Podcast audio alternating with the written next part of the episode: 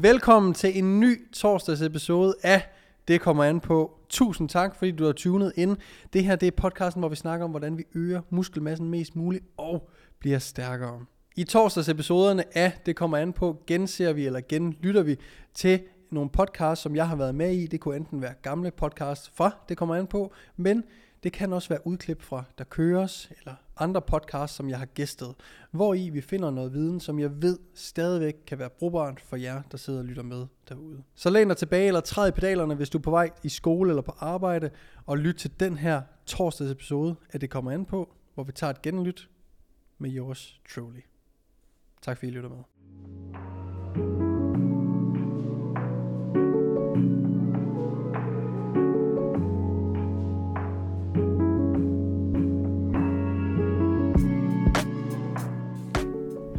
Spørgsmålet kommer i dag fra en, som hedder Rikke.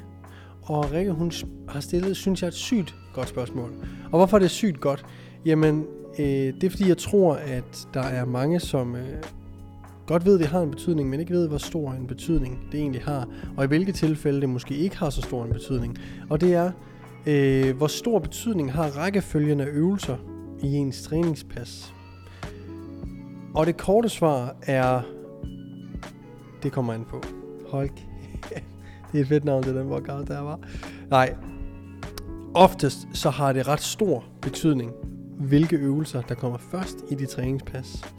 Øh, og når jeg siger, at det ofte har det, så er det fordi, at helt logisk, så er det selvfølgelig i starten af vores træningspas, at vi har mest energi. Det vil også sige, at det er der, vi gerne vil ligge det arbejde, vi vil være øh, vi gerne vil udvikle os mest i. Så det, der betyder mest for os at blive stærkere i, eller det kan være, at det er en muskelgruppe, vi gerne vil øge størrelsen på, så er det vigtigt, at det er den, vi kører først, fordi vi vil have mest energi øh, og overskud. Vi vil ikke være trætte, vi vil ikke være øh, fatigt for anden øh, øh, fysisk aktivitet, inden vi går i gang med de første øvelser af vores træning. Så det er super vigtigt, at man ligger øh, det, der er vigtigst for en i starten af ens træning. Og ens træningsprogram kan man egentlig godt lidt se som en prioriteringsliste. Så hvis man har, lad os bare tage et, et push-pull legs øh, split, og vi har en push-dag, som indeholder bryst, skulder og triceps. Hvis man nu har gigantiske skuldre, jamen så er der nok ingen grund til at prioritere dem særlig højt i træningen. Hvis man har et fuglebryst, altså man ikke har noget bryst, og man har en OK triceps, Jamen, alright. Så har vi lige fået svaret på, hvordan øvelserne måske skal ligge i løbet af træningen. Så vil det være bryst, som er det første prioritet. Den øvelse, vi vælger som den første øvelse, skal måske også være den, som vi øh, som har det bedste potentiale til, at vi kan tracke progressionen, til at vi har en god bevægelse, til at vi har øh, kan køre øvelsen øh, til eller tæt øh, på failure og så videre. Vi skal ligesom have det her til at være en, en god øvelse. Og det kan være, at vi færdiggør alle vores brystøvelser. Øh, som sagt, så var tricepsen, den var okay, så det kan godt være, at man tager to brystpresøvelser i starten af sit program. Så kan det være, at man smider en, en tricepsøvelse ind, og så går tilbage til en brystfly, for eksempel, fordi der bruger man ikke tricepsen. Øh, så man vil gerne lige, inden man kørte flyen, give tricepsen lidt mere kærlighed, altså være lidt mere frisk. Så det er bedre at tage tricepsen før cableflyen faktisk og så færdiggør brystet med cableflyen efter dit, øh, din første øvelse til triceps, første eller eneste. Øhm, og derefter så kan du tage en triceps mere måske, og så kan du færdiggøre med en lille smule skulder, fordi vi har lige øh, kridtet banen op og sagt, at du har gigantiske skuldre. Fy for saten, hvor er de store. Så dem behøver vi slet ikke prioritere særlig meget. De skal måske bare lige have nogle lateral raises, øh, fordi de får nok stimuli fra, fra alt det brystpres, vi laver. Så øh, så det er ligesom en måde at prioritere en øh, push-træning på. Nu var den her relativt traditionelt, øh, hvad hedder det, sat op, den her push-dag. Men jeg vil også gerne lige udfordre jer, fordi at, jamen, hvad nu hvis, og det har I måske set mig gøre, det her med at træne arme før man kører de store muskelgrupper. Så lad os sige, at vores bryst er et kæmpe strong point. Altså vi har et gorilla-bryst, vi har et Del bryst for fanden. Øhm, det er lige før, at det springer så stort er det. Det vil sige, at vi har vi har seriøst ikke behov for at, at prioritere det. Vi kan lave 20 armbøjninger øh, ved hver push-træning, og vi vil stadigvæk genetisk bare have et, et sindssygt bryst. Jamen, alright. Hvad, så hvis vi har dårlige skuldre og tynde arme, hvad gør vi så? Jamen alright, så kan det godt være, at på en push-dag, at vi starter med en skulderpres-variant. Øh, og det vil være den eneste presvariant, vi måske har til skulderen på den her given dag. Det vil sige, at resten af træningen, det er enkeltledsøvelser. Og derfor, så kan vi faktisk godt efter vores skulderpres, der kan vi godt smide en tricepsøvelse ind. Faktisk.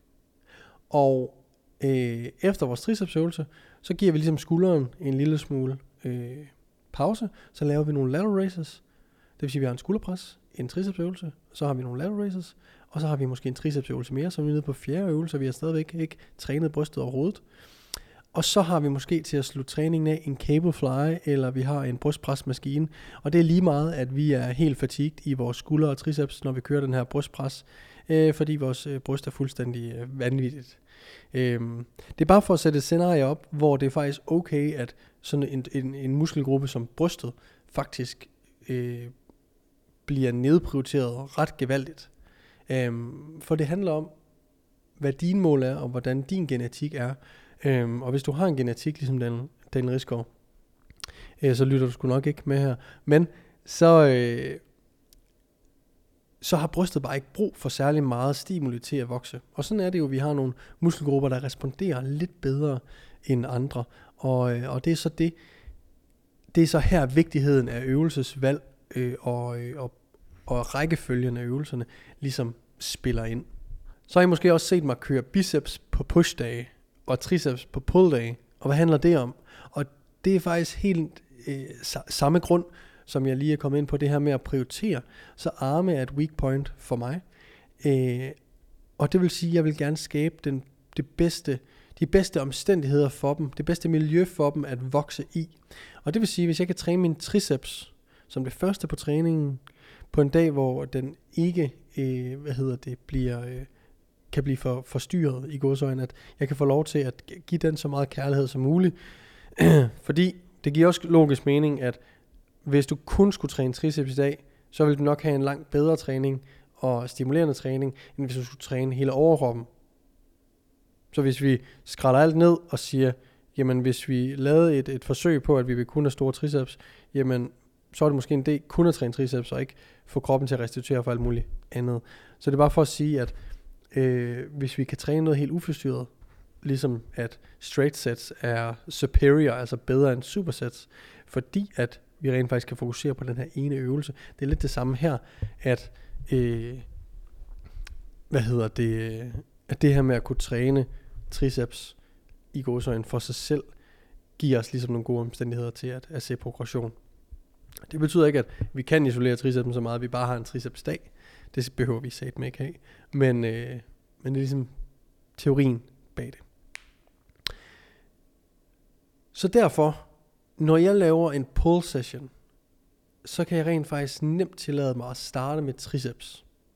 Jeg kan også vælge at køre en tricepsøvelse, lave en rygøvelse og gå tilbage og lave en tricepsøvelse mere, hvis jeg har to tricepsøvelser. Jeg behøver ikke lave dem back to back. Hvis jeg laver min tricepsøvelse, og jeg går direkte ind til min anden tricepsøvelse, jamen så kan det godt være, at jeg stadigvæk er en lille bitte smule træt, hvis jeg ikke holder lang, lang tid.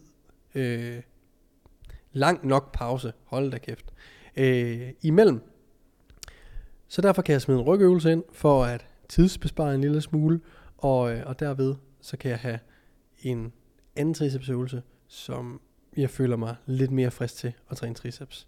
Så det er sådan en måde, jeg har gjort det på. Enten kører jeg øh, to tricepsøvelser lige efter hinanden, eller så har jeg kørt en triceps, ryg, triceps, og så resten af min pull-dag, sådan set. Øh, og det samme på, øh, på push-dagene, hvor det så starter med biceps, brystøvelse, biceps, und så videre. Så prioriteringen af og rækkefølgen af øvelserne i de træningspas er super vigtige. Øh, men det er kun for dig selv, at de er vigtige. Der hvor det ikke er vigtigt, der hvor det er lige meget, om du kører det ene eller det andet først. Det vil aldrig helt være lige meget, men der hvor det har en mindre rolle, er hvis du lige er startet med at træne, og hvis du øh, hvis det ikke handler om at optimere alting og få mest muligt ud af det. Det er mere, det handler om at få det gjort. Og hvis den der row-maskine fucking lige er blevet optaget, og du skal lave, og der står, at du skal lave biceps efter det, jamen så kan du godt køre biceps, før du kører din row. Fordi du ikke gider at stå og vente på, at ham eller hende bliver færdig med rowen. Det kan også være, at du bare tager en helt anden row-maskine, der står på dit program. Så det er vigtigt, og det vil i aller, aller, aller fleste tilfælde være øh, vigtigst, øh, vigtigt at, at ligesom følge den her prioriteringsliste.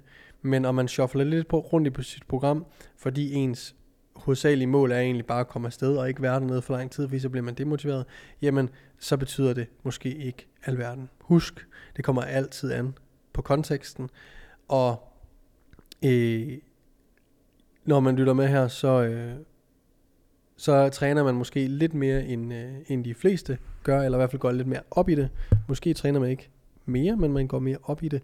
Øh, og derfor så vil jeg antage, at i jeres tilfælde vil det de fleste gange give rigtig, rigtig god mening at virkelig øh, holde øje med rækkefølgen af, af, af øvelserne, og ligesom tænke på dit træningsprogram som værende en prioriteringsliste af, den træning jeg går ind til nu, hvad er vigtigst for mig, og hvad er mindst vigtigt for mig. Bare fordi det er mindst vigtigt, så betyder det ikke, at jeg ikke skal give den gas. Øh, det betyder ikke, at jeg ikke skal lave det. Det betyder bare, at det er det, jeg skal lave til sidst. Sådan er det. Jeg håber, I kunne bruge den her episode til noget. Det vil betyde meget for mig, hvis I vil dele podcasten med en ven eller veninde, så vi kan nå ud og hjælpe endnu, endnu flere mennesker. Og ellers så vil jeg bare sige tusind tak, fordi I lyttede eller så noget. Vi ses i næste episode.